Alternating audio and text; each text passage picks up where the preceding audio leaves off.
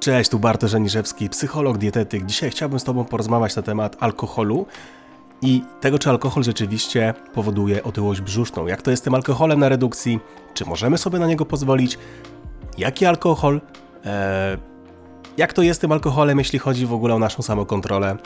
I czy rzeczywiście jest to najgorsze zło? No, nie da się ukryć, że okres grillowy już w sumie trwa.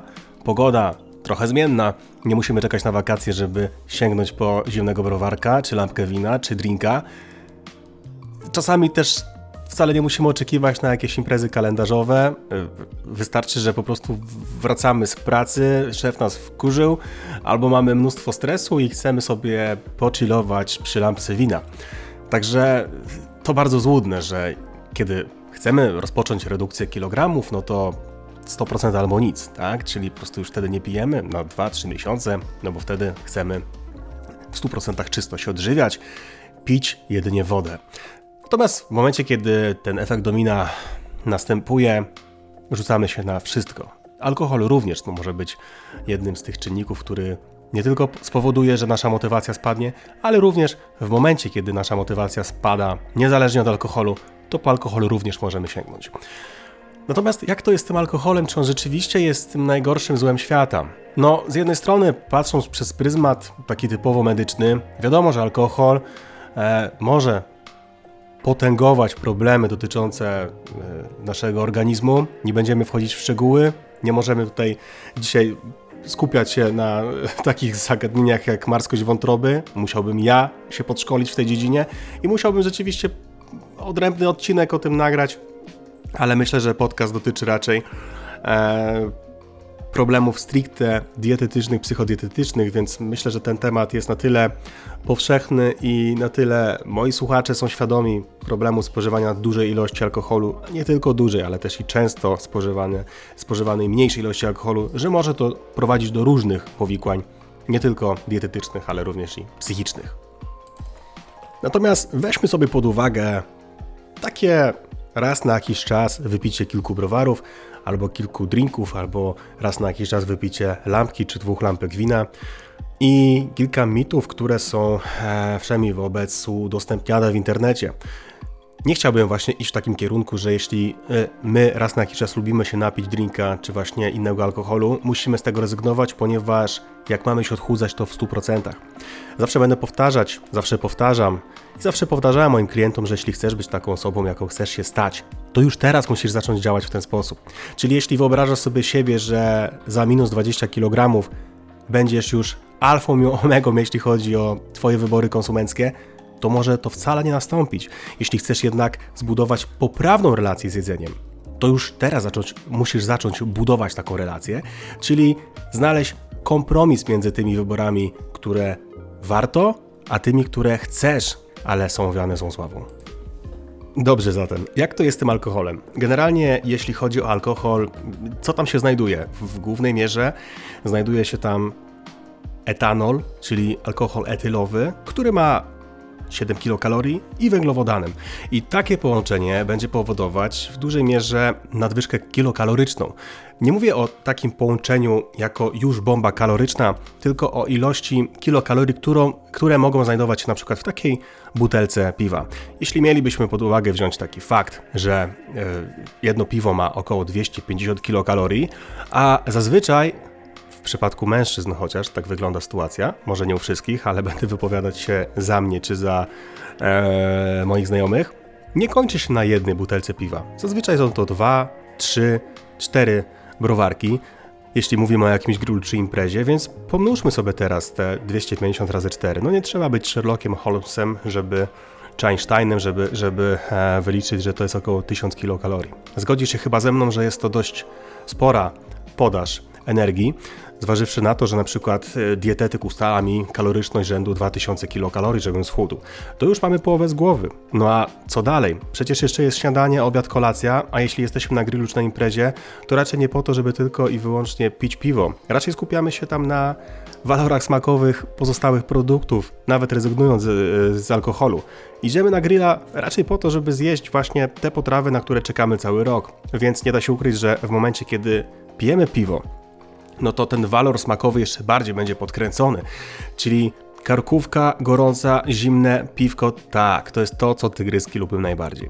Więc jeśli chodzi o kaloryczność, nie da się ukryć, że e, piwo, wino, wódka, jakikolwiek tutaj weźmiemy, jakąkolwiek weźmiemy tutaj, jakikolwiek weźmiemy rodzaj e, alkoholu, ta kaloryczność będzie. Ale zawsze jeśli walor smakowy jest dla Ciebie najważniejszy, a na przykład jesteś samochodem, bądź nawet nie chcesz po prostu pić alkoholu z różnych przyczyn, zawsze możesz pójść w kierunku piw bezalkoholowych. Ja będę się skupiać na piwach, no bo jednak tutaj mamy do wyboru też różne inne opcje, alternatywy, które będą dla Ciebie e, pomocne. Może jeśli właśnie chcesz napić się zimnego piwka, zjeść kiełbaskę z grilla, czy karkówkę, czy jakieś warzywa grillowane, a na przykład jesteś właśnie samochodem.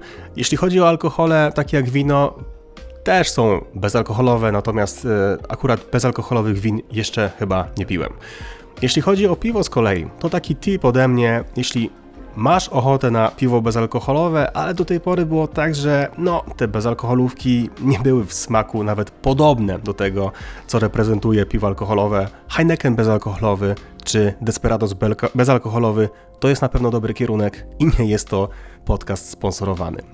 Także Zważywszy na to, że piwo bezalkoholowe ma już o połowę mniej kilokalorii, 125 około, czy 120, nawet nie pamiętam w tym momencie, ale niejednokrotnie to sprawdzałem, to już mamy większe pole do manewru. Razy 4 czy razy 3 to już jest o wiele lepsza opcja. I teraz pójdźmy dalej. Mówi się, że piwo powoduje otyłość brzuszną. Widzisz, przeprowadzono badania, które polegały na obserwowaniu, monitorowaniu mężczyzn, którzy pili takie piwa. Pili je na przykład codziennie czy po trzydziennie. Okazywało się, że otyłość brzuszna nie możemy powiedzieć, że nawet występuje w kontekście alkohol, a otyłość brzuszna nie ma czegoś takiego jak miejscowe nabieranie yy, tkanki tłuszczowej. Jeśli ktoś pije i je za dużo, czyli więcej niż jego zapotrzebowanie kilokaloryczne wynosi, to wtedy mówimy po prostu o nabieraniu e, tkanki tłuszczowej. No tą tkankę tłuszczową oczywiście możemy podzielić na tą podskórną, na tą e, trzewną. Tam, jeśli chodzi o tą trzewną, będą komplikacje metaboliczne, hormonalne. Natomiast nie możemy mówić o czymś takim jak e, piwo a otyłość brzuszna, coś takiego nie występuje. No nie da się po prostu przytyć, tak samo nie da się schudnąć z jednej okolicy ciała, choćbyśmy nawet tego chcieli. Oczywiście, że są takie tendencje, nawet genetyczne do tego, że na przykład zawsze ktoś ma większe uda, zawsze ktoś ma większy brzuch, ale jeśli przychodzą do mnie klientki czy klienci, którzy chcieliby tylko z brzucha schudnąć, no to magia nie istnieje. Zazwyczaj, z tego co ja obserwuję, e, najszybciej chudniemy z twarzy, ale brzuch też leci. Więc jeśli chodzi o e, pojęcie dotyczące otyłości brzusznej, nie, nie, możemy tego powiązać za bardzo z alkoholem. Oczywiście możemy mówić o tym, że się tyje od alkoholu, ale e, ta tendencja do tycia raczej występuje w momencie, kiedy mówimy o zbyt dużej podaży kilokalorii, czyli na przykładzie właśnie tych czterech piwek e, na grillu, jeśli 250 pomnożymy razy 4, mamy 1000, dodatkowo jeszcze zjemy 3 kiełbaski, 5 kromek chleba, nawalimy tam dużo keczupu, dodatkowo jakieś chrupki się pojawią, a jeszcze ktoś poczęstuje ciastem, no to mamy na przykład 4000 kilokalorii. Więc w momencie, kiedy ktoś nam ustala dietę 2000 i jemy 4000, oczywiście przytyjemy. I znowu nie patrzmy tylko przez pryzmat tego, że jednego dnia tak poszarżujemy, tylko bardziej patrzmy przez pryzmat tygodni, na to, czy ta tendencja wzwyżkowa, jeśli chodzi o kilokaloryczność jest.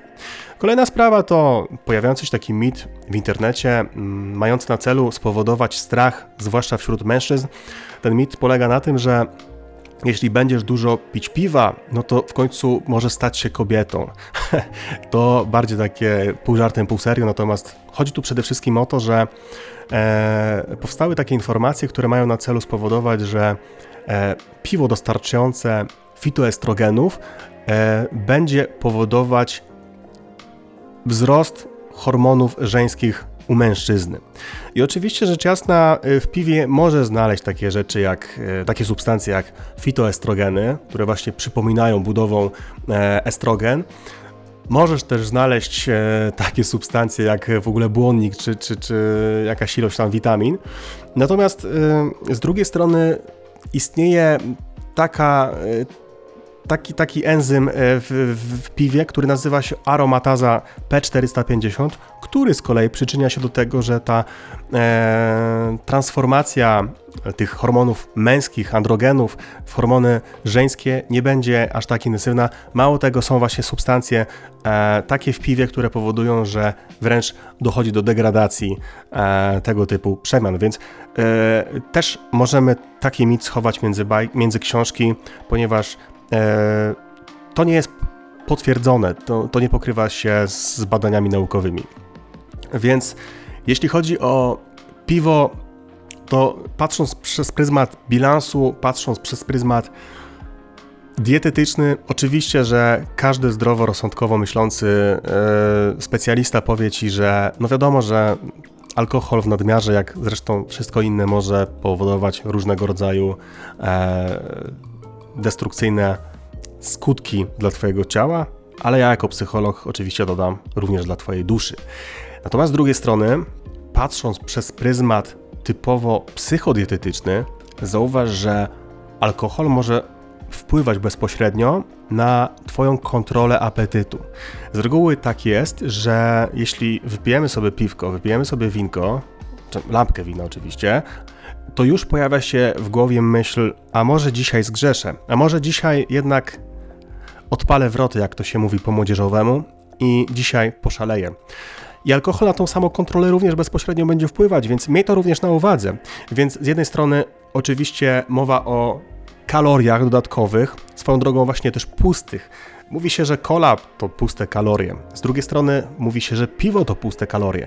Czym są puste kalorie? Puste kalorie to nic innego jak tylko i wyłącznie energia, którą dostarczamy bez e, cennych składników mineralnych, witamin, które tam mogą być. Natomiast z drugiej strony, tak jak wspomniałem wcześniej, no piwo, jakieś składniki mineralne, jakieś witaminy w sobie ma, więc nie możemy mówić, że to są tylko i wyłącznie puste kilokalorie. Dodatkowo może wpływać na filtrację naszych nerek, więc to kolejny benefit, jaki będzie płynął z picia, zwłaszcza bezalkoholowego piwa. Natomiast podsumowując, zachęcam Cię do zdroworozsądkowego podejścia. I bynajmniej nie chodzi mi o to, żeby rzucić ee, w kąt alkohol, wszystkie zakazane grzeszki, jakie dotychczas pojawiały się na Twojej liście zainteresowań z punktu widzenia dietetycznego, raczej zdrowego, zdroworozsądkowego podejścia w kontekście bilansu między tym, co chcesz jeść, tym, co należy jeść, a nie tym, co musisz jeść, a tym, co chcesz jeść. Jest to subtelna różnica, która spowoduje, że Twoja relacja z jedzeniem na pewno będzie budowana w prawidłowy sposób, przynajmniej w mojej opinii. Z taką informacją Cię pozostawiam. Miłego dnia, miłego wieczoru, gdziekolwiek, o którejkolwiek mnie słuchasz. Pozdrawiam Cię serdecznie. Cześć!